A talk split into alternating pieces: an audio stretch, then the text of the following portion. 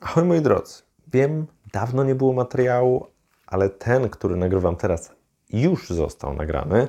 E, nie w całości, natomiast e, różne rzeczy sprawiły, że nie mogę go e, przedstawić z takich czy innych względów. Natomiast ten na szczęście ujrzy światło dzienne. I jeszcze zanim może się rozkręcę i zacznę mówić przez bardzo, bardzo długi czas, bo na pewno godzinkę przebiję, to możecie wysłuchać wszystkiego na Spotify. Link rzecz jasna, jak zawsze, w opisie. Nic nowego, ale wolę uprzedzić, gdyby ktoś dziwnym trawem pojawił się nowy i nie wiedział, bo wątpię, by komuś się chciało przez tę godzinę tak patrzeć, jak się przechadzam, mówię i w ogóle. Ale jeśli tak, to proszę bardzo. Jaka jest Wasza wola? Takie są możliwości, natomiast teraz już wracamy zdecydowanie z podsumowaniem maja. No, powiem Wam, ten miesiąc był niezwykle intensywny, jeżeli chodzi o odbiór pewnych rzeczy. Nie bez powodu mam taką magiczną listę, która mi troszeczkę pomoże, która troszkę w pewnych kwestiach da mi punkt wyjścia do opowieści, ponieważ poza oczywiście standardowymi, czyli najlepszą lekturą miesiąca, najlepszym filmem czy serialem, a także rozczarowaniem czy niespodzianką, również będą wydarzenia. I to nie jedno wydarzenie, ale dwa wydarzenia. Tak to się w maju wydarzyło. Myślę, że warto o tym wspomnieć. Nie macie wyjścia, chcę o tym wspomnieć, więc to po prostu będzie. Mam nadzieję, że to nagrywanie nocne spełni swoje zadanie. Być może nie będzie to najlepsza jakość życia, ale nie oszukujmy się, chyba nie o to w tych nagraniach chodzi. Przede wszystkim liczy się to, co uda mi się przekazać i być może Was do czegoś zachęcić. Jeżeli irytuje Was takie przechadzanie się, to bardzo mi przykro, ale stanie w jednym miejscu przez dłuższy czas też jest dość trudne. Ok, przechodząc do rzeczy, pierwsze wydarzenie i nie ostatnie, a jest nim, co może być dla niektórych zaskakujące, Eurowizja. Festiwal, który owszem jest upolityczniony, który owszem jest przedziwny i ekscentryczny, ale towarzyszy mi od kurczę, już ponad 20 lat. Pierwszą edycję zobaczyłem w roku 99 albo 2000, coś takiego. Obstawiłem nawet zwycięzcę z powodzeniem. Pewnie nie pierwszy raz słyszycie tą historię, natomiast Eurowizja zawsze była dla mnie takim świętem rozrywki. Rozrywki czasem wysokich, czasem niskich lotów, natomiast czymś, co zawsze w pewien sposób było interesujące, było ciekawe, było inne, było energetyczne, było szalone, ekscentryczne właśnie i to wszystko do mnie trafiało. Wiadomo, żeby wybrać tam jakąś piosenkę czy utwór, który będzie nam towarzyszył długo, nie jest łatwo, natomiast zawsze coś byłem w stanie wyłuskać. Jeżeli chodzi o tegoroczną włoską edycję, też się takie wyjątki zdarzyły, natomiast jako całość poziomem, no to nie był najlepszy konkurs. I będę tutaj odchodził od tej kwestii, że wygrała Ukraina, bo to dobry utwór, on byłby w piątce. Wiadomo, że kwestie polityczne zwyciężyły, ale kto ogląda Eurowizję nie od dziś wie, no, że to jest konkurs jednak, który gdzieś tam te polityczne kwestie zawsze nam podrzuca i ten wielki bunt i ten sprzeciw, który był swego czasu w mediach prezentowany, no moim zdaniem był zupełnie zbędny. Gdyby to była jakaś fatalna, okropna, zła kompozycja i wygrała tylko dlatego, to ok, ale nie była taka. Myślę, że spokojnie by w tej piątce tak czy siak była. Także tutaj odchodzimy. Co do moich osobistych faworytów, bardzo podobała mi się Mołdawia, która podeszła na luzie, która spróbowała tak, wiecie, z jajem, bez, bez żadnych, powiedzmy sobie, półśrodków. Znakomicie poradziła sobie Norwegia, te żółte, znakomite stroje wilków, wyśmienite zresztą no, myślę, że show zrobili dobry także na przejściach pomiędzy utworami, na różnych wstawkach. No, furora to mało, myślę, powiedziane. Mój osobisty najważniejszy faworyt to Szwecja, którą wciąż od czasu do czasu chętnie sobie odpalę. Natomiast wyżej była chociażby Hiszpania. Myślę, że tutaj te sekwencje taneczne zrobiły swoje i, i że to było interesujące. Niestety w tym roku bez komentarza Artura Orzecha.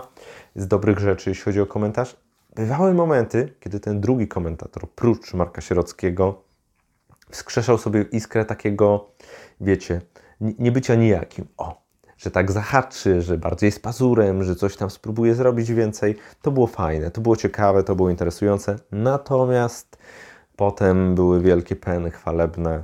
Wszyscy wiemy w jakim kierunku. No i już ten poziom, że tak powiem, się obniżał. Nie było to może tragiczne, ale no, za dobre też nie. Nie oszukujmy się, Artur Orzech to jest mistrz w tych sprawach. Artur Orzech ogarnia temat, no i tutaj nie ma cóż mm, dodawać. Jeśli chodzi o samą organizację i tak dalej, na scenie nieźle, natomiast te przerywniki wszelkie, bardzo dużo było takich powtórek.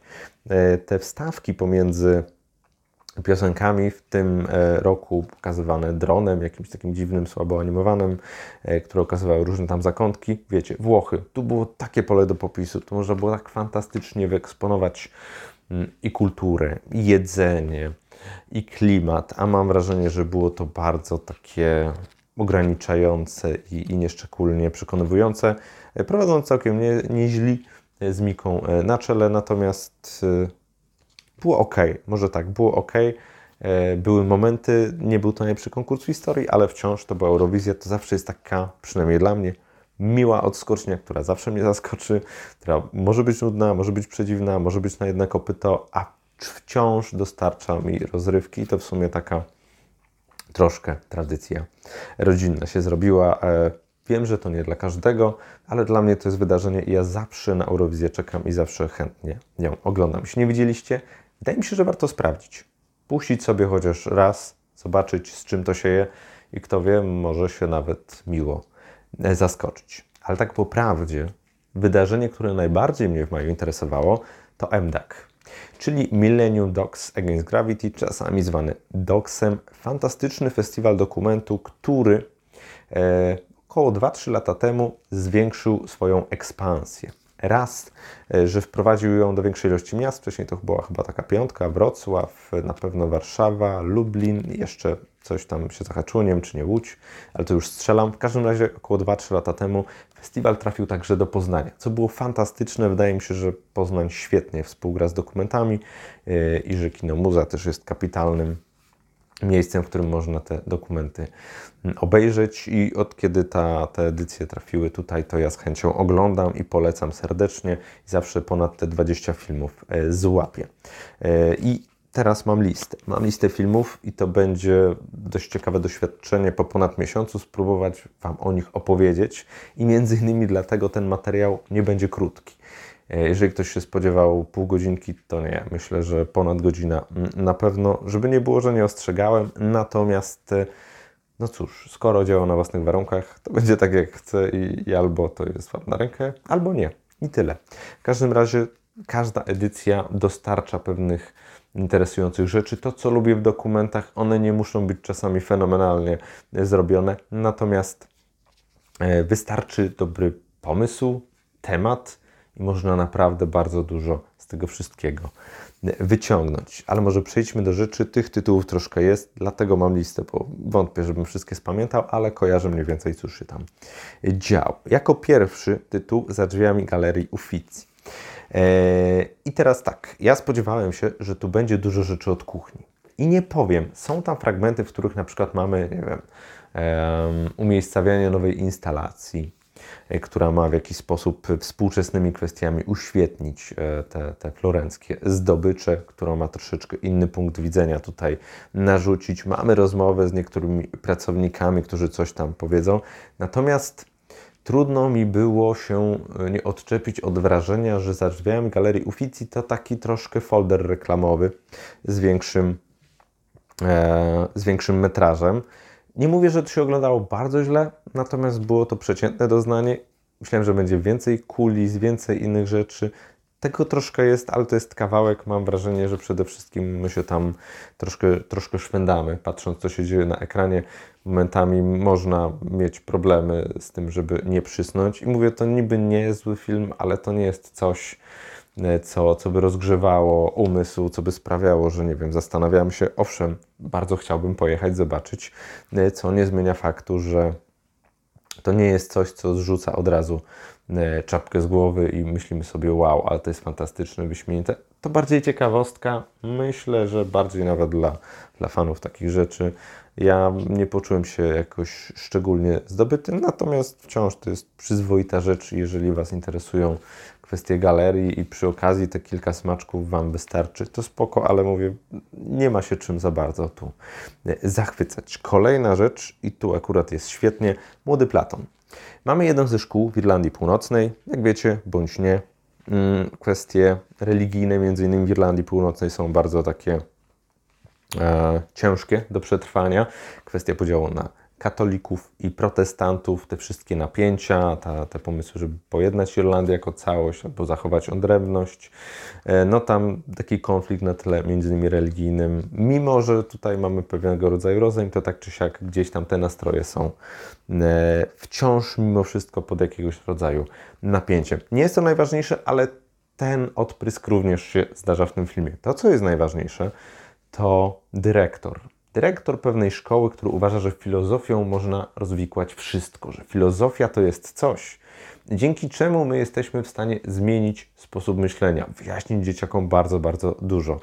E, I to jest fajne. Ja kojarzę pewną metodę, która gdzieś tam oscyluje wokół tego, co się dzieje, ale chyba filozofia jest takim brakującym elementem układanki, który sprawia, że to rzeczywiście rośnie, bo i zadajemy pytania, i drążymy, i podchodzimy mm, z różnej strony do problemów, a te umysły, które gdzieś tam starały się rozwikłać zagadki wszechświata, istnienia itd., tak itd., tak myślę, że tutaj e, bardzo mogą nas wspomóc e, i mogą nadać naszym myślom interesujący e, tor. To, co jest jeszcze bardzo fajne, jeżeli chodzi o tego dyrektora, to jest ta jego pasja które jest takim świetnym dopełnieniem, bo z jednej strony filozofia, myślimy sobie o jejku głęboko, e, tutaj Grecja, prawda, dawne dzieje, a czy nie tylko oczywiście, i myślimy o takim stoiku, natomiast e, ten dyrektor jest fanem Elvisa i to jest fantastyczne, kiedy widzimy jego, jego gabinet. Jest tu jakiś zegar z Elvisem, jest jakaś figurka, ma dzwonki, które są muzyką Elvisa. To są takie małe smaczki i tworzą całość człowieka. Nie budują śmieszności, ale jakiś dodatkowy jego aspekt. I to też jest człowiek z przeszłością, o czym zresztą fajnie mówi i, i fantastyczne to jest. Niektórzy mogą powiedzieć, że być może e, gdzieś tam ktoś y, chciał sprawić, żeby ten film był mm, bardzo sprzyjający temu dyrektorowi. Nie wydaje mi się, było to wszystko mimo wszystko naturalne. Ja nie odniosłem wrażenia, że to jest jakoś stylizowane i to mnie zachęciło, żeby do filozofii sięgnąć na początek mm, e, po filozofię dla zabieganych, bo jestem trochę zabiegany. Ale nawet nie o to chodzi, to jest fajna książka, między innymi dlatego, że tutaj mamy takie wycinki, taką, taką pigułkę filozofii. Mamy różne, różnych myślicieli, różne ich koncepcje i te koncepcje są przedstawiane w taki bardzo jasny, klarowny sposób. Do pogłębienia inne rzeczy, żeby z tymi dziełami się zapoznać w całości, natomiast jako skrawek, kawałek na start, tutaj to jest znakomite e, miejsce. Także ta filozofia, ten entuzjazm jeżeli myślimy o jednostce, która wpływa na to swoje najbliższe otoczenie, które odciska na niej piętno bardzo pozytywne, to, to był bardzo ciekawy, inspirujący dokument, który daje fajnego kopa nie tylko osobie, która jest z edukacją związana, natomiast y, myślę, że inni też mogą dużo, dużo z tego wyrywać, chociażby rodzice. A czy nie tylko, to się po prostu dobrze oglądało, tematyka była ciekawa, no i sama zachęta dla, do filozofii myślę, że jest tutaj warta wzmianki. Kolejna rzecz to w poszukiwaniu nieśmiertelności. No i tutaj wchodzimy na takie bardzo mm, moralistyczne kwestie, no bo z jednej strony wiemy, że ta nieśmiertelność może być, Zapewne kiedyś do tego dojdziemy. Czy to będzie kwestia cyfrowa, czy to będzie kwestia jeszcze posiadania ciała, ciężko powiedzieć. I tu podchodzimy od strony takiej stricte naukowej, medycznej, ale też filozoficznej, i takiej, powiedzmy sobie, na styku tych dwóch y, kategorii mamy zwolenników, mamy przeciwników. To, co jest fajne w takich filmach, y, nawet jeżeli mogą mieć takie elementy ekscentryczne, one wciąż gdzieś tam podrzucają ten materiał do refleksji, do analizy, do zastanowienia się, no bo nie oszukujmy się, fakt nieśmiertelności zapewne najszybciej pojawi się u najbogatszych. Na razie to jest wydłużanie życia, ale przyjdzie ten moment, jestem absolutnie przekonany, nie wiem czy za 100 lat, czy za 50, że to właśnie bogaci jako pierwsi będą mieli tę szansę. No i właśnie co wtedy? Przede wszystkim pogłębią się różnice. Nie? Różnice klasowe to będzie coś, co zdecydowanie odbije się na naszym społeczeństwie. One już są, tworzą je pieniądze. A kiedy do, dołożymy do tego życie i pieniądze, no to będziemy już enklawy wybranych. Co wtedy z innymi? Czy zwykli ludzie dostaną, nie wiem, jakieś refundacje, z których będą mogli skorzystać? Czy może pójdziemy w jeszcze jakimś innym stopniu no i będziemy mieli jakąś rasę panów wybranych absolutnie? Nie mam pojęcia, natomiast jest to bardzo ciekawe I ten film, ten dokument Poszukiwanie śmiertelności podrzuca takie rzeczy przerażające, fascynujące, godne refleksji. Na pewno y, i, i, serdecznie Wam ten dokument polecam, bo myślę, że robi to w przystępny sposób, a jednocześnie daje takiego materiału do, do analizy i warto mu się przyjrzeć. Kolejna rzecz to Instagramowa rodzinka. Instagramowa rodzinka na czasie nie do końca ten film, bo z jednej strony pokazuje bardzo dobrze pewne zagrożenie, chociaż ja wiem, że to tak się mówi, e, to jest bardzo popularne, że media społecznościowe nam zagrażają, że nasze więzi społeczne są takie, a nie takie, że robimy mm, z ludzi przeciętnych bożyszczy i potem się miesza w głowach w różnych aspektach. Niby nie jest to nic nowego, aczkolwiek kiedy widzimy to przez pryzmat dziewczyny, która się wybiła i rodziców, którzy zostają A, menadżerami, B, sami też się zaczynają w mediach społecznościowych rozkręcać, to jest ciekawe, bo to troszkę jak takie badanie pod mikroskopem dla badacza, tylko że mamy tutaj żywych ludzi przed sobą. I to też zrywa z taką maską, że nie trzeba za dużo robić e, i, i samo się to wszystko e, potem dzieje. No nie, to jest włożony czas zdjęcia, filmiki, obrabianie tego, e, odpowiednie godziny, ciągłe aktualizacje, relacje. Cały czas trzeba być w ruchu, cały czas trzeba być aktywnym. Jeżeli ktoś przystanie, to traci. Fajna jest też perspektywa takiej dziewczyny, która jest absolutnie zafascynowana e, tą dziewczyną, która się wybiła. Wybaczcie, że nie operuję imionami, ale ponad miesiąc to już robi, robi swoje. I to jest ukazane takie i, i fanbojstwo, i popadanie właśnie w taką wyznawczynię i też ewolucja tej relacji jest dość interesująca. Problem z tym filmem jest taki, że on jednak stawia się po jednej stronie barykady, po stronie takiej krytyki, a wydaje mi się, że można byłoby to lepiej wyważyć.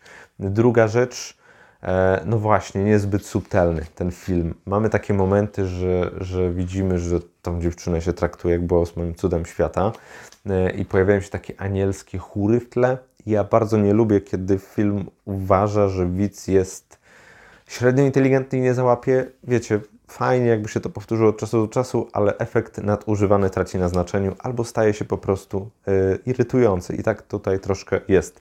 Więc zarzucam stronniczość odrobinę, y, zarzucam y, pewien brak takiego wyczucia w pewnych aspektach.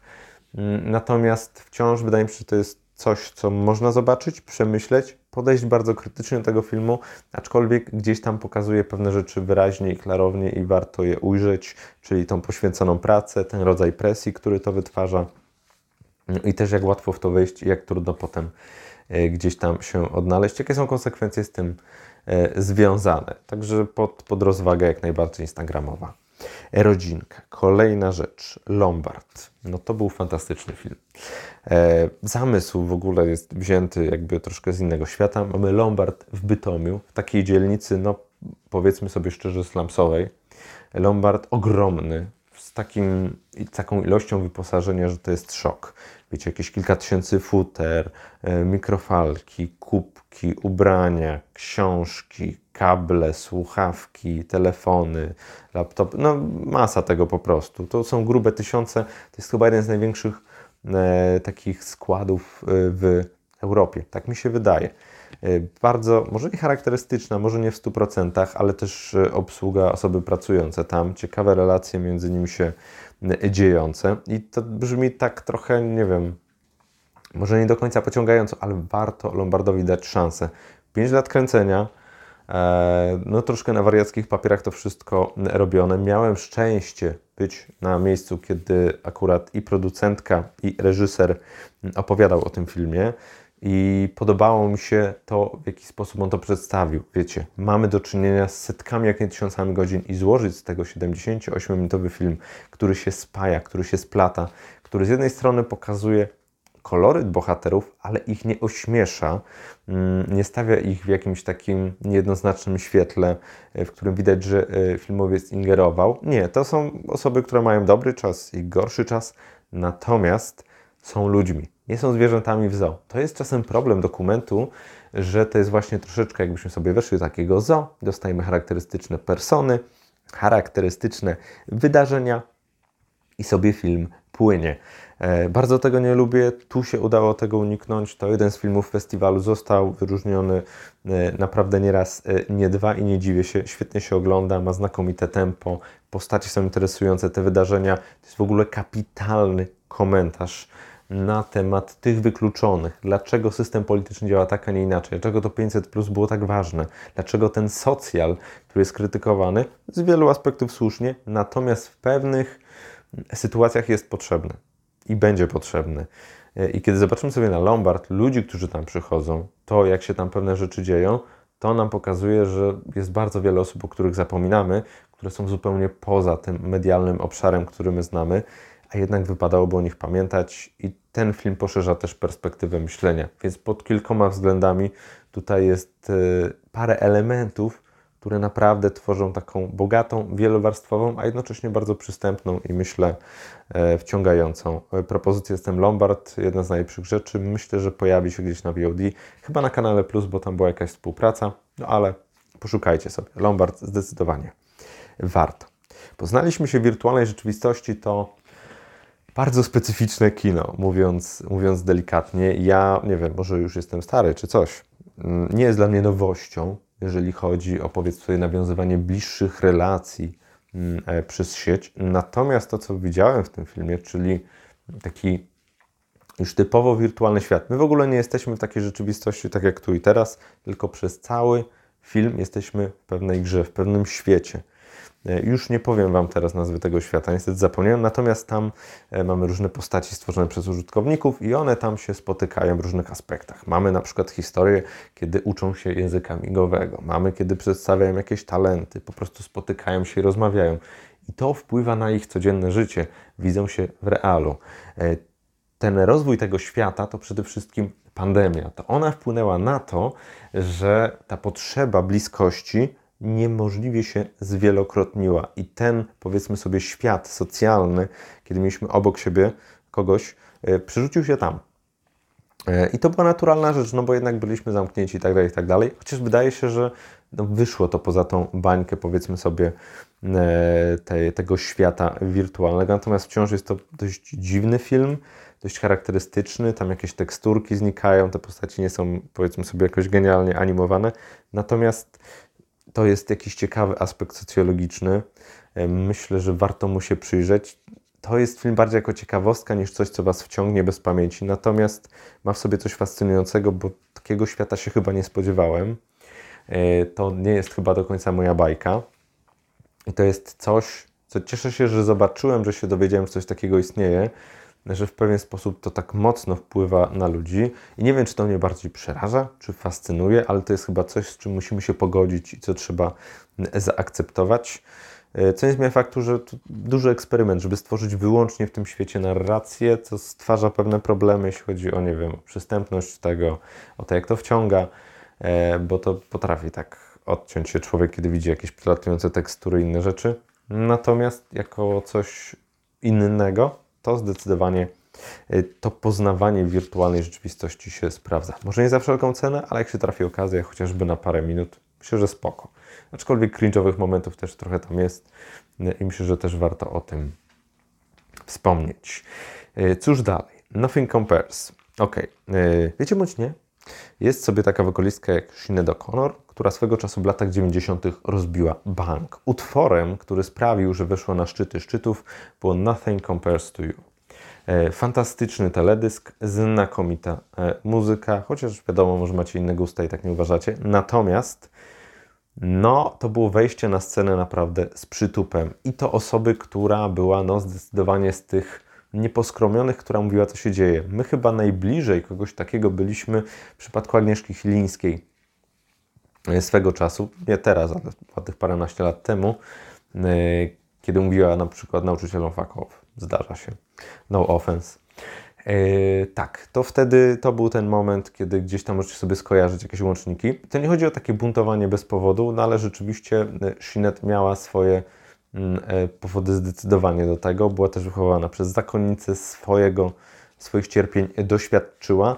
I to jest niby dość klasyczny dokument z cyklu y, historia kogoś, kto się bardzo wysoko wzniósł, potem spadł i, i, poszedł troszkę w inną stronę. Aczkolwiek, no mówię, ja jakoś mocno w życiu Shinet nie siedziałem, ale to był dla mnie ciekawy dokument. On fajnie obrazuje, jak zmienił się świat. Bo tu mieliśmy lata 90., teraz mamy 2022 rok, jak te 32 lata zmienił się świat, postrzeganie tego, naszych zachowań. Nie zmieniło się to, że media potrafią zniszczyć życie, potrafią być bezwzględne i nawet nie przeprosić. To niestety się nie zmieniło. Natomiast y, stopień jakiegoś buntu, który można wznieść, ale też traktowania kobiet, bo wydaje mi się, że tutaj pryzmat kobiety jest niezwykle ważny, że też obraz kobiety w latach 90., obraz kobiety teraz, to też jest w tym filmie zawarte. Także wydaje mi się, że to jest nie, nie tylko opowieść o artystce, która została skancelowana, która została podana mm, ostracyzmowi, ale też jest to obraz czasów i zmiany tych czasów i tego, jak patrzymy na nie z perspektywy e, czasu. Także wydaje mi się, że tu warstw jest więcej i dlatego ten film się broni. Dlatego nie jest tylko i wyłącznie opowieścią o życiu artystki, ale jest opowieścią o życiu artystki i o świecie, i o jego zmianach, i jego ewolucji. Chętnie przeczytam e, biografię Sinead O'Connor. E, jest ona dostępna, nawet całkiem nieźle oceniana, więc myślę, że można spokojnie zajrzeć. Jeżeli nie macie zamiaru obejrzeć, to chociaż jeżeli nie znacie, przesłuchajcie Nothing Compares to You. Wydaje mi się, że to może być całkiem niezła zachęta do tego, żeby jednak sobie po ten dokument sięgnąć albo poznać kawałek znakomitej muzyki. Albo nie. Zależy od gustu. Dobrze, lecimy dalej. Las szkarłatnych szat. Jeżeli chodzi o las szkarłatnych szat, mamy tu do czynienia z mniszkami tybetańskimi, które mieszkają w takich chatynkach, że aż dziw, że nie zamarzają w nocy na tych górach gdzie są e, zbijane z kilkunastu desek, przesłaniane takim lepszym czy gorszym parawanem bądź innym rodzajem e, zamknięcia. No, wiodą ten żywotniczek, rozwijają się, dorastają, e, szerzą nauki. No i tutaj mamy do czynienia z takim bardzo niestandardowym, wydaje mi się, wydaniem. Z jednej strony to jest zupełnie inny, obcy świat, z drugiej te rzeczy, które dla nas są takie, nie wiem, powszechne, tam objawiają się jako coś wyjątkowego. E, ciekawa jest ta struktura, też jest taki, powiedzmy sobie, nie wiem, jakby doradca duchowy i spowiednik w jednym, który przyjmuje te mniszki i, i gdzieś tam je naprowadza na, na ich drodze. Mm, nie jest to może najbardziej wciągający dokument na świecie, natomiast pokazuje skrawek kultury absolutnie nieznanej, pokazuje też problemy związane z Tybetem, z tym, w jaki sposób y, są tam y, mnisi y, traktowani. Zresztą mamy tam moment, że muszą się wyprowadzić z tego klasztoru, w którym przebywają i, i stają się takimi nomadkami, albo wracają do społeczeństwa, albo szukają jakiejś innej enklawy. Mm, I mówię, jeżeli chodzi o zobaczenie innego kawałka, czegoś, do czego nigdy nie mamy dostępu, a to się dziwnym trafem dało, w porządku, ale czy to jest dokument, który wciąga bez pamięci, który sprawi, że zapomnicie o całym świecie? Raczej nie.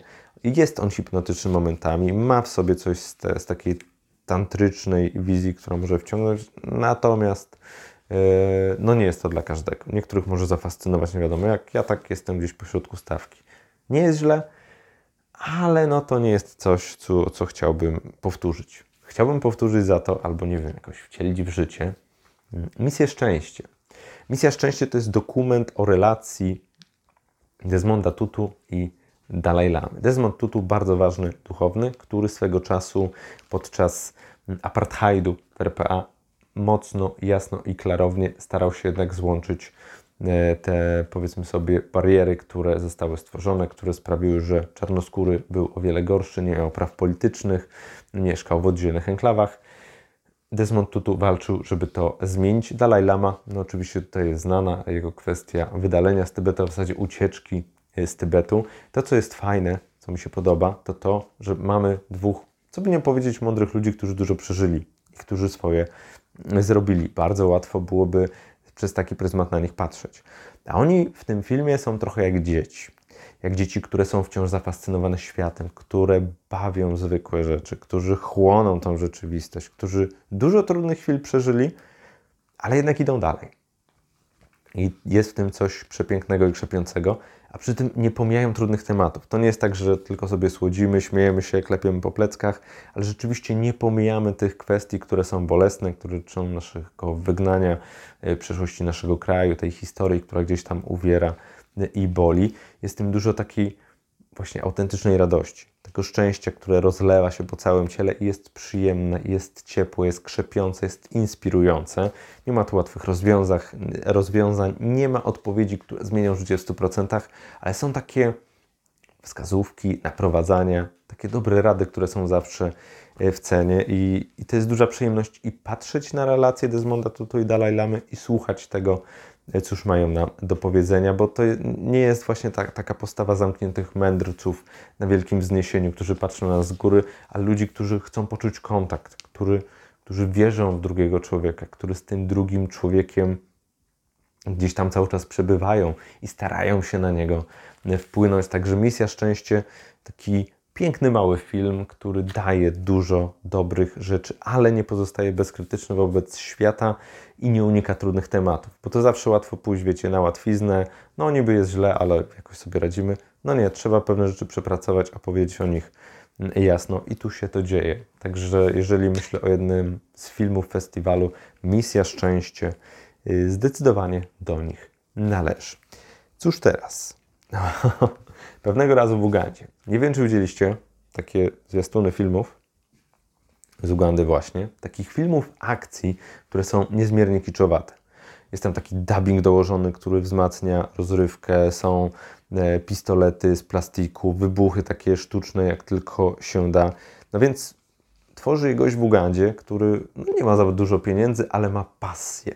Ma miłość do dziesiątej muzy, uwielbia kino akcji i kręci to z osobami ze swojej wioski. Potem trafia do niego mm, jeden y, człowiek i mówi sobie, ale to jest super, kiedyś pracował przy filmach, przy produkcji i chce to e, wszystko rozsławić. Chce sprawić, żeby ten gość z Ugandy zaistniał, żeby to kino klasy C albo D gdzieś tam pojawiło się na świecie żeby ludzie to docenili, żeby może mógł się w stanie z tego gdzieś tam e, utrzymać, no bo z tego środków za bardzo nie ma, to na miejscu działa, sprzedają jakieś płyty po bazarkach, ale no, no nie jest to do końca to, co, co chce się zrobić. E, I to jest, e, myślę, że opowieść o miłości do kina, o tym, jak różnie można ją ukazywać, e, jak prawdziwej pasji nic nie jest w stanie zatrzymać. Kręcenie kilku filmów w miesiącu nie ma problemu. To ten montaż na takim sprzęcie, który może działać, nie musi to klecenie czegokolwiek, żeby to jakoś funkcjonowało, używanie efektów praktycznych, bazowaniu na, na humorze, cięcia. E, no super, to, to fajnie pokazuje, że jeżeli jest coś, co nas napędza, co nie pozwala nam odpuścić, co gdzieś tam siedzi w nas, e, to warto o to, o to walczyć, bo nawet w najmniej znanym zakątku mogą kryć się prawdziwe perełki. I znów to jest odkrycie świata, które normalnie byłoby poza naszym obrazem. Pisano o tym w wielu gazetach, acz wciąż ja dopiero teraz się dowiedziałem. Widziałem chyba jeden zwiastun wcześniej, natomiast zobaczyć w całości, jak to wygląda, jak pracują, jaka atmosfera jest wokół tych e, filmów, jaka dobra energia, chociaż zdarzają się tu zgrzyty w tym filmie i widać, że powiedzmy ta rola producencko reżyserska, no, są tarcia, natomiast wciąż jest poczucie takiej wspólnej walki, pójścia ponad podziałami, e, chęć pokazania tego światu i zobrazowania, że kurczę, wystarczy trochę wsparcia i można robić fantastyczne rzeczy. One muszą być idealne, nie muszą być piękne, ale jest, jeśli jest w tym serducho, to to serducho będzie obecne i to serducho nas tak łatwo nie opuści. Także list miłosny do kina w niestandardowym wydaniu, y, zamierzenie i niezamierzenie zabawnym, ale przede wszystkim myślę, że takim czuły w, jaki, w jakiś sposób. Y, nie będę tutaj popadał w jakieś y, dywagacje na temat przemowy Olgi Tokarczuk, natomiast ta czułość do kina tu obecna jest jak najbardziej. Jeśli macie szansę, myślę, że warto dla odkrycia samego twórcy i tych fantastycznych, kiczowato pięknych zwiastunu. Y, Jason. Jason to jest trudny film. Jason to jest e, opowieść o, o zmianie płci, o chłopaku, który był dziewczyną i który boryka się z pewnymi traumami, który bardzo dużo doświadczył w dzieciństwie, bardzo dużo złego, który dopiero wychodzi z takiego, z takiego dołka. Nie jest to historia łatwa, natomiast ja lubię w dokumentach to, że one pokazują mi inny obraz także człowieka inną sytuację, bo bardzo łatwo się kategoryzuje, mam wrażenie, e, w współczesnym świecie i te kwestie binarności, niebinarności, zmiany płci itd., tak itd., tak to bardzo łatwo się kategoryzuje. Raz, że każdy przypadek jest indywidualny, dwa, jeżeli nikogo nie krzywdzisz, w czym problem? E, I tutaj Jason to, to jest film, który może kształcić empatię w człowieku. Taką przynajmniej mam nadzieję.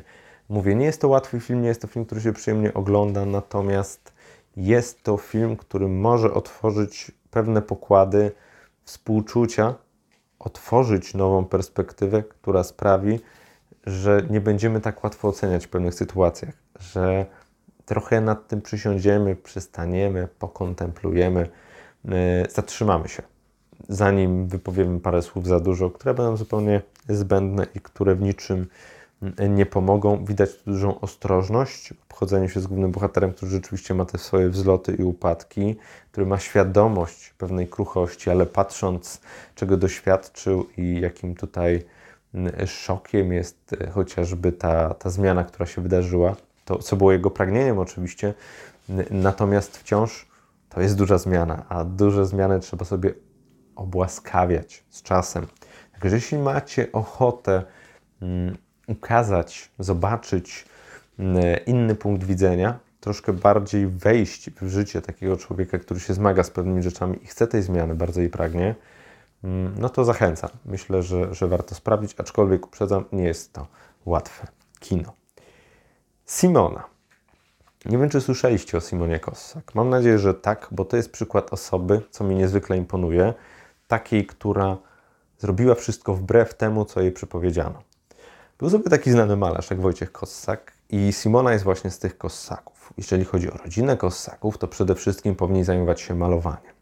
I w tym powinien być talent, w tym powinna być ekspresja, w tym powinna być realizacja. Simona talentu plastycznego za dużego nie miała. Była też gorzej traktowana niż siostra, co rodziło pewne konflikty. I Simona odnalazła własną drogę. Osiedliła się zresztą z czasem w Puszczy Białowieskiej i tam toczyła swoje życie. Bardzo mocno zaangażowała się w obronę zwierząt, roślin.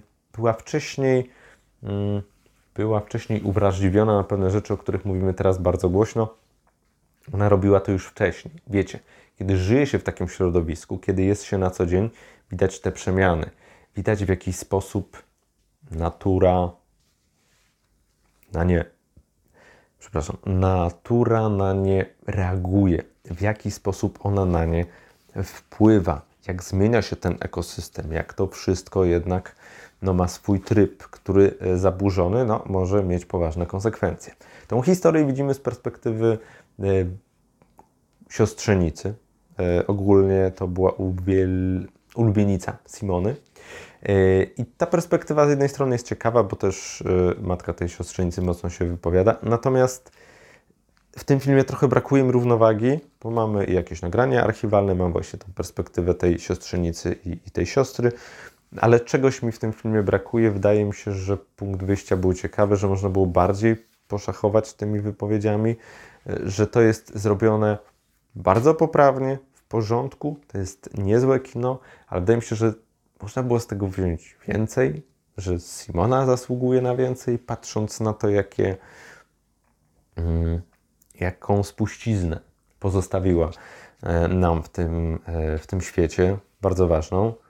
Y, mówię, tam są dobre aspekty, to jest poprawnie zrobione, nieźle, ale można było wycisnąć więcej. Myślę, że taka postać zasługuje na lepszą biografię, a skoro już została taka nakręcona, ciężko powiedzieć, czy ktoś jeszcze ugryzie ten temat od innej e, strony. Natomiast zobaczymy, tak czy siak, myślę, że warto sprawdzić. Nie znacie, no to warto poznać, a jak znacie, to tak czy siak można odkryć pewne dodatkowe aspekty, które pozwolą lepiej Simone Kossak odkryć. Zatem może nic przełomowego, ale naprawdę niezły kawałek kina, w którym można sobie odkryć osobę bądź poznać ją lepiej niż wcześniej. Yy, nie powiem tego o podwodnym życiu Jacques'a Cousteau. Yy, niestety tutaj jest rozczarowanie. Historia człowieka jest fascynująca, natomiast jest tak poprowadzona, tak wiecie, bardzo po łebkach, bardzo szkolnie, bardzo tak. Mamy bohatera, który wiemy, że coś osiągnął, że był niestandardowy. Można było tą historię opowiedzieć od różnych stron, a idziemy takim prostym, mm, prostą drogą.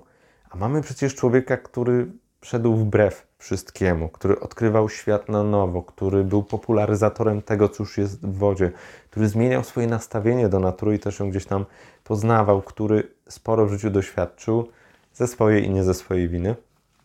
który rzeczywiście dał nam jakiś nowy kawałek świata albo pozwolił na niego spojrzeć z innej perspektywy. Tymczasem, jeżeli chodzi o Jacques'a Cousteau, tutaj jest poprowadzone to bardzo po sznurku, yy, tak po bożemu. Brakuje tu odrobinki szaleństwa, którą Jacques Cousteau miał, takiej energii, siły, yy, takiej determinacji przede wszystkim. Tego w tym filmie yy, nie ma. Ten film jest dostępny z tego, co wiem na Disney+. No nie polecam. Nie, nie jestem w stanie zapomnieć o tym, jaki to jest fascynujący człowiek, jaki ten film był rozczarowujący. Może nie był przenudny, może nie ciągnął się jak flaki z olejem, ale miałem cały czas to nieznośne poczucie niedosytu, że taka postać dostaje tak przeciętny film. No kurczę, przecież to powinno być wybuchowe, powinno być fascynujące, powinno wiercić dziurę w brzuchu i zachęcać do, do eksploracji dalszej, a tutaj ta eksploracja wydaje się niezbędna, żeby poznać tak naprawdę chociażby e, taki dokładny, esencjonalny wycinek życia tego, tego człowieka. Szkoda, no bo z tym nurkowaniem naprawdę można było tutaj zejść w jakieś głębiny i meandry opowieści, a zamiast tego twórcy zostali na brzegu i wyszło. Jak wyszło? Oczywiście moim zdaniem. Nasza stara klasa za to nie jest standardowa w żadnym wypadku. Wyobraź sobie historię o człowieku, który udowodnił, że można się cofnąć w czasie.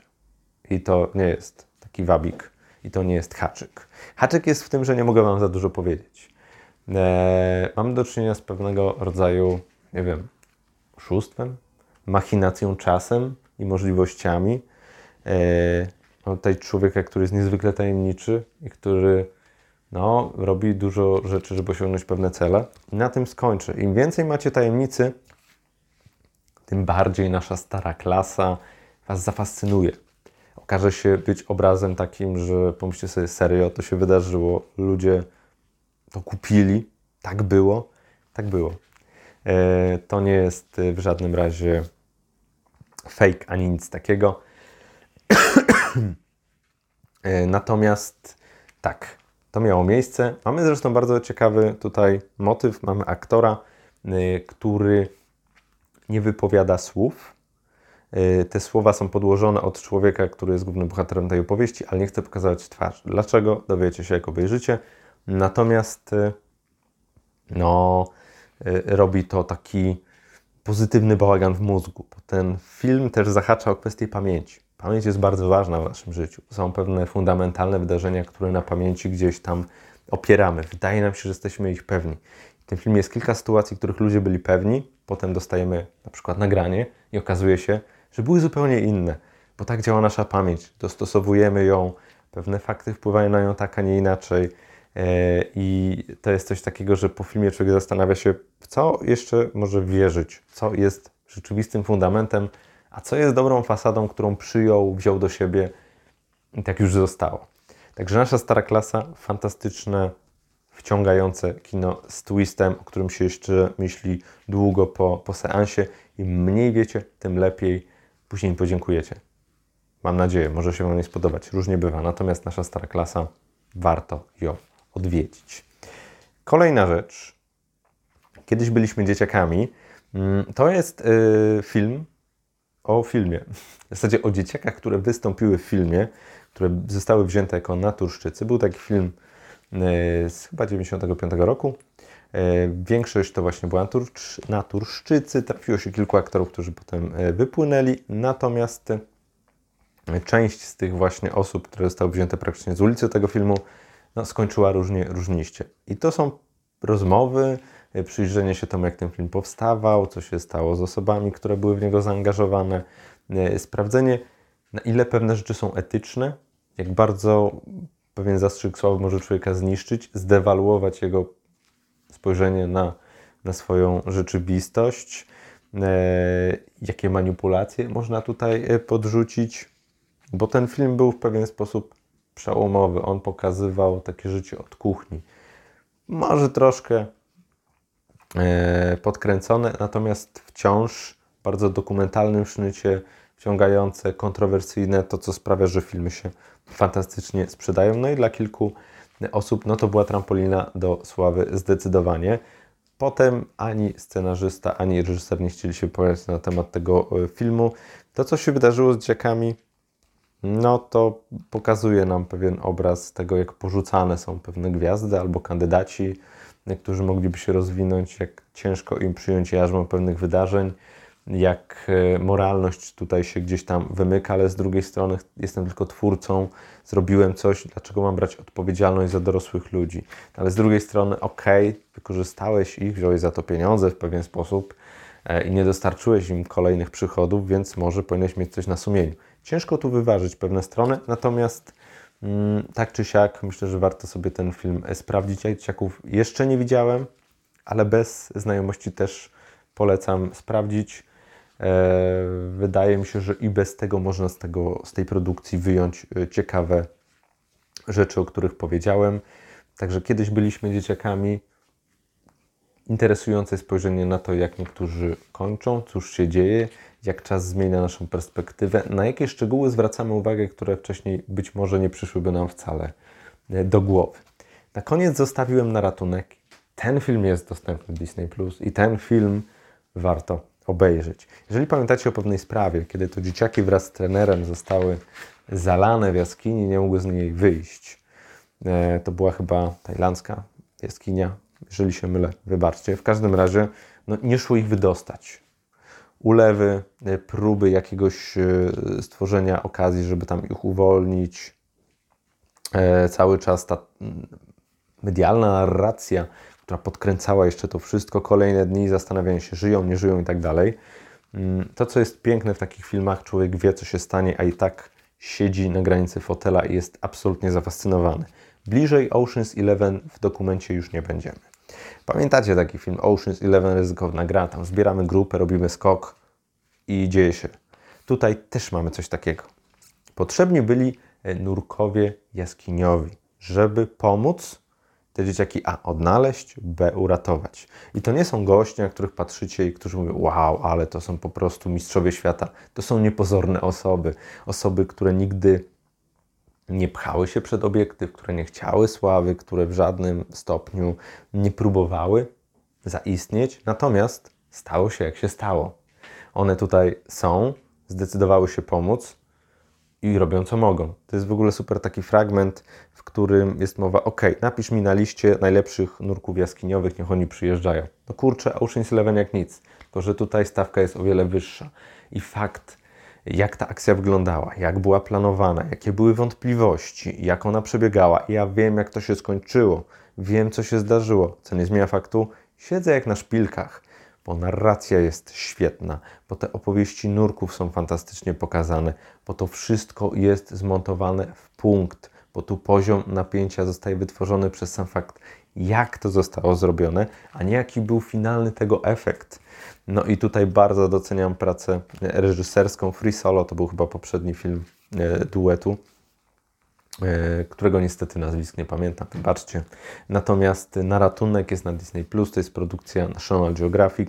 Fascynująca rzecz, fantastycznie mi się to oglądało. Jeden z filmów festiwalu i to był film, którym A kończę to całe zestawienie, dwa nim też skończyłem festiwal. Ostrzegałem, że będzie długo o wydarzeniu, e, ale Millennium Dogs Against Gravity to jest jeden z tych, mam wrażenie, festiwali, który jest wciąż szalenie niedoceniony a można się dużo dowiedzieć, fajnych chwil spędzić, naprawdę zobaczyć kawał ciekawego wycinka rzeczywistości i nie jest to czas stracony. Nawet jeżeli coś jest przeciętnego, da Wam coś nowego, coś, czego się nie spodziewacie bardzo często, albo ukaże Wam tą nową perspektywę, która wzbogaci w jakiś sposób Wasze spojrzenie na świat, albo i na coś jeszcze gdzieś tam bliższego czy intymniejszego w Waszym życiu.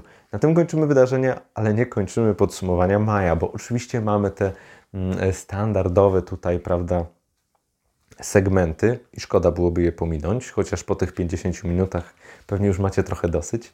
Przykro mi bardzo, takie jest życie. Jeżeli chodzi o najlepszą lekturę, to wziąłem dwie. Nie byłem w stanie wybrać. Myślę, że wiecie jakie, bo o wronach Petry Dworakowej, Dworakowej i bratniej duszy Dawida Diopa. Już mówiłem, bardzo dużo mówiłem, nie będę tutaj się wydłużał. W każdym razie Wrony, fantastyczna, emocjonalna rzecz, która wyrywa nerwy podczas lektury i sprawia, że pijana wpływa na usta, bo mamy świadomość, realności sytuacji i tego, że nie możemy nic zrobić, żeby głównej bohaterce e, pomóc. Niby proste życie, niby proste rzeczy bardzo codzienne i namacalne, ale to właśnie wpływa na to, że tak silnie się wiążemy z główną bohaterką. Poza tym nie ma e, powiedzmy sobie tutaj stawiania pod pręgierzem nikogo, każdy swoje błędy popełnia i to nigdy nie jest tak oczywiste, jak może się wydawać, kiedy chodzi o, o przemoc, o przejście, o brak wsparcia. Myślę, że dla właśnie dla rodziców, ale i dla dzieciaków lektura obowiązkowa, która może uświadomić bardzo wiele potrzebnych rzeczy. Więcej o Wronach nie, bo macie oddzielny film i zachęcam, żeby go tam obejrzeć albo wysłuchać. Dawid Diop, Bratnia Dusza, tożsama sytuacja, ponownie emocje, fantastyczny język. To jak Diop operuje słowem, jakie frazy tam strzela, jak uderza opisami, jakie są one plastyczne, a jednocześnie niezwykle wgryzające się w mózg. No, naprawdę szacuneczek, sposób, jaki pokazuje I wojnę światową, bohatera, jego stan psychiczny, to, co się dzieje w jego sercu, w jego głowie, jak opowiada o, o relacjach, o momentach przejściowych, o to, jakie jarzmo pozostawia wojna. Niby się mówi o tym wiele razy, ale u Diopa to ma rzeczywiście e, smak, to ma zapach, to potrafi wejść na głowę i długo z człowiekiem zostać. Mm, no i poza tym to jest znakomicie napisane.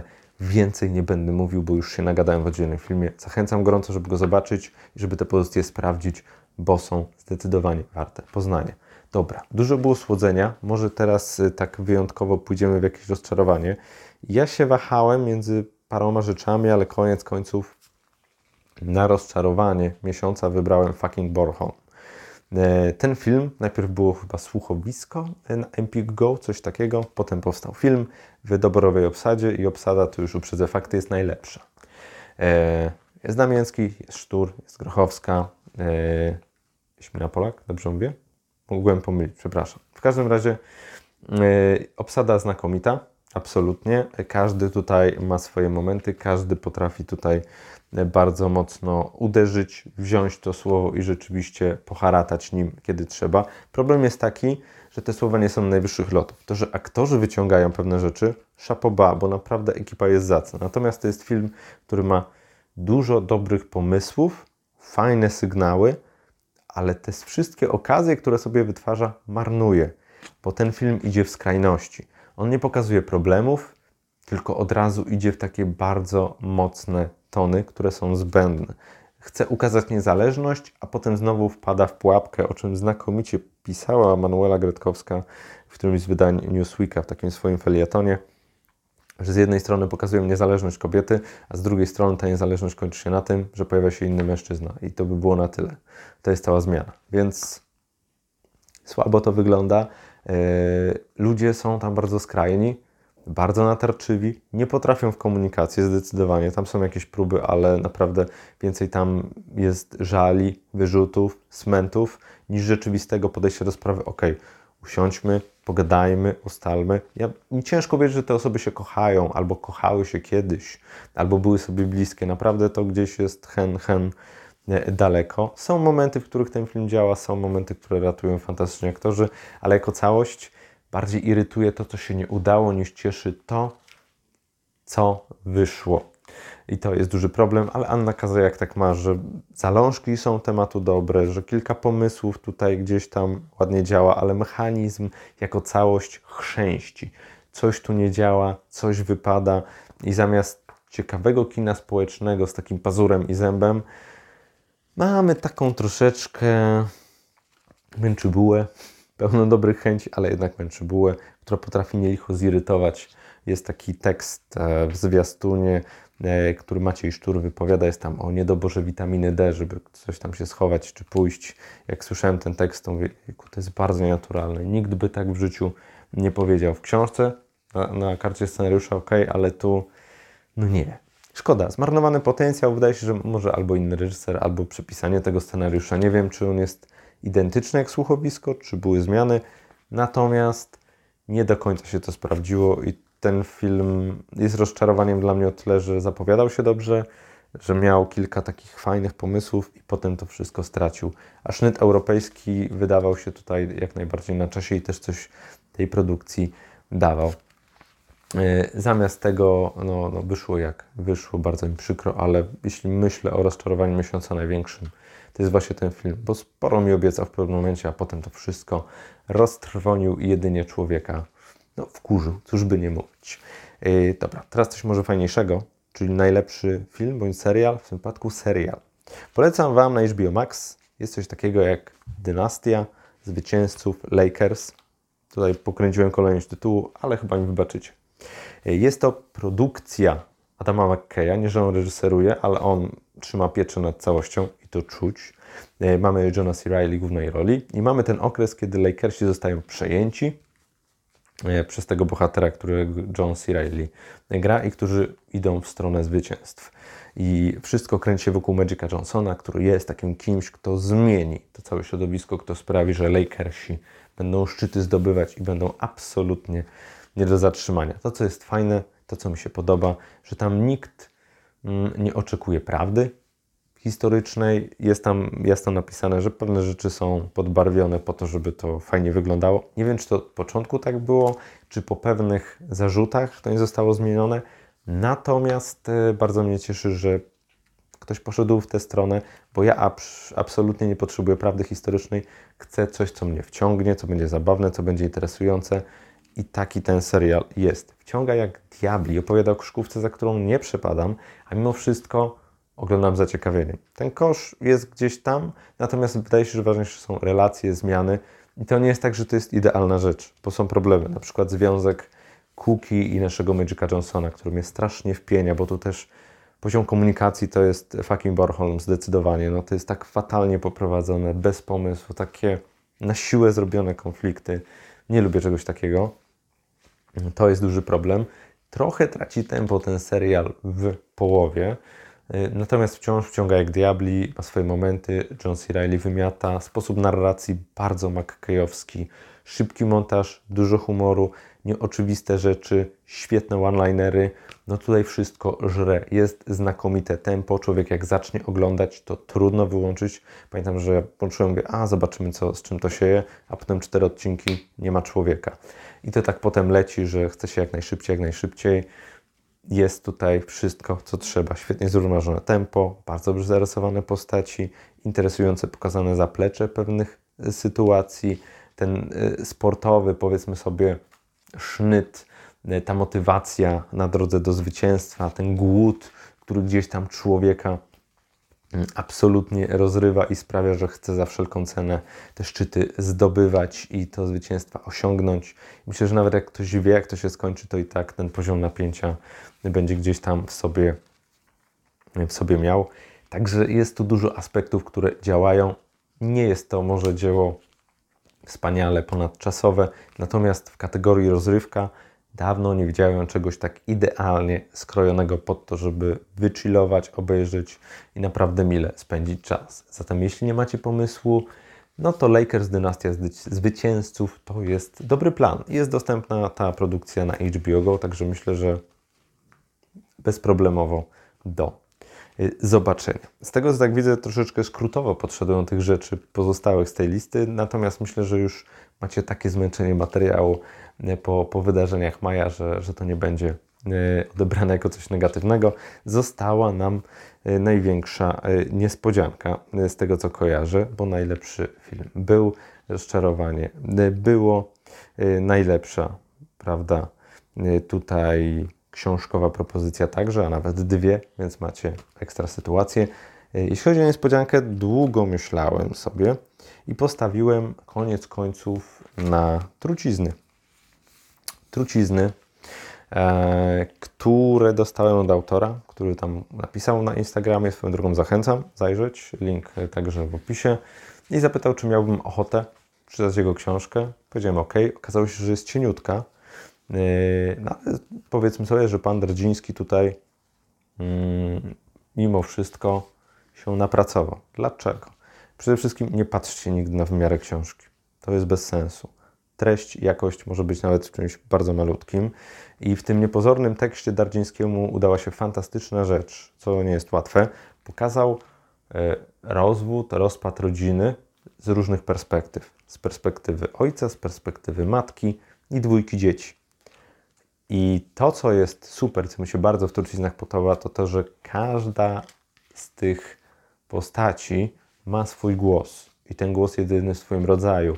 I każdy z tych głosów daje nam element układanki, która nie tyle staje się przez to jakoś bardzo kompletna, ale sprawia, że widzimy więcej niuansów, więcej rzeczy, które normalnie gdzieś tam mogłyby nam umknąć. Najpierw jesteśmy zaskoczeni, powiedzmy sobie, podejściem męża, który wydaje się taki bardzo skrzywdzony i tak, i tak dalej. Potem jest perspektywa żony, która kładzie zupełnie nowe światło i sprawia, że ta poprzednia część już wygląda zupełnie inaczej. Potem mamy perspektywę jednego dziecka i drugiego dziecka i znowu to wszystko ewoluuje. Także trucizny rzeczywiście tytuł adekwatny, bo wydaje się, że te trucizny w tej rodzinie, w tych relacjach, w tych perspektywach, które nie tyle pomagają nam w 100% pewne rzeczy wyjaśnić, co sprawiają, że wszystko się zapętla, że jest trudniejsze. I to są rzeczy, które mnie gdzieś tam fascynują. Te relacje, to wchodzenie w człowieka, to zaglądanie w te takie intymne przemyślenia. To, co sprawiło, że na przykład e, pewne rzeczy poszły nie tak, że doszło do tego rozbicia rodziny, że ona gdzieś tam bardzo mocno ucierpiała. Dużo dobroci jest. Ta książka 90 parę stron ma, no może mniej więcej Natomiast nie dać się zwieść pozorom, jeżeli traficie na trucizny, bo to jest wbrew gabarytom bardzo wartościowa, bardzo złożona i wielowarstwowa pozycja. Przeczytacie ją szybko, ale ona szybko z Waszej głowy nie wyparuje, bo trzeba naprawdę umiejętnie sterować e, narracją, żeby te wszystkie elementy, te wszystkie składniki i układanki weszły na swoje miejsce, żeby były bogatą całością, ale wciąż pełną niedopowiedzeń, ukazującą życie takim, jakim jest, bo czasami dojść do prawdy nie sposób. Możemy się poczuć troszeczkę jak na takiej, jak na sali sądowej i to my musimy ocenić, kto tak naprawdę jest winny. Konia z rzędą temu, kto w 100% powie, kto tu jest w 100% dobry, a kto w 100% zły. I te niuanse, niejasności, odcienie szarości, to wszystko w truciznach zostało zawarte i one rzeczywiście gdzieś tam w ten krwiobieg weszły i zatruły życie tej rodziny i ciężko powiedzieć, czy, czy pewne relacje się dadzą poskładać, czy nie, ale była to bardzo, bardzo ciekawa perspektywa i fantastycznie było ją dzięki panu Dardzińskiemu zobaczyć. Także polecam serdecznie i na tym kończę podsumowanie maja. E, nagrywam to o niebotycznej godzinie. Sąsiedzi jeszcze nie wynieśli mnie tutaj E, hen, hen daleko. Natomiast mam nadzieję, że miło się Wam tego słuchało bądź oglądało, jeżeli ktoś był taki odważny. Troszkę się poprzechadzałem, światło jest jak jest, ale mam nadzieję, że przymkniecie na to e, oko. Nie ma tutaj cięć, dlatego że ja bardzo minimalistycznie podchodzę do tego. Ma to być jak najmniejszym sumptem. E, liczy się, powiedzmy sobie, to, co udało mi się powiedzieć. A czy, czy rzeczywiście tak jest, to już oceniacie Wy. I na tym może skończę, bo i tak już wydłużyłem ponad godzina. Jest e, do zobaczenia wkrótce, pewnie coś nagram, chociaż nie mam pojęcia kiedy. To, że podsumowanie maja trafia tak późno, obowiązki, mało czasu, inne rzeczy. No, ale już nie będę się rozkliwiał. Dziękuję Wam za uwagę, gratuluję, jeżeli doszliście do końca. Tyle w temacie. Do zobaczenia. Na razie. Cześć.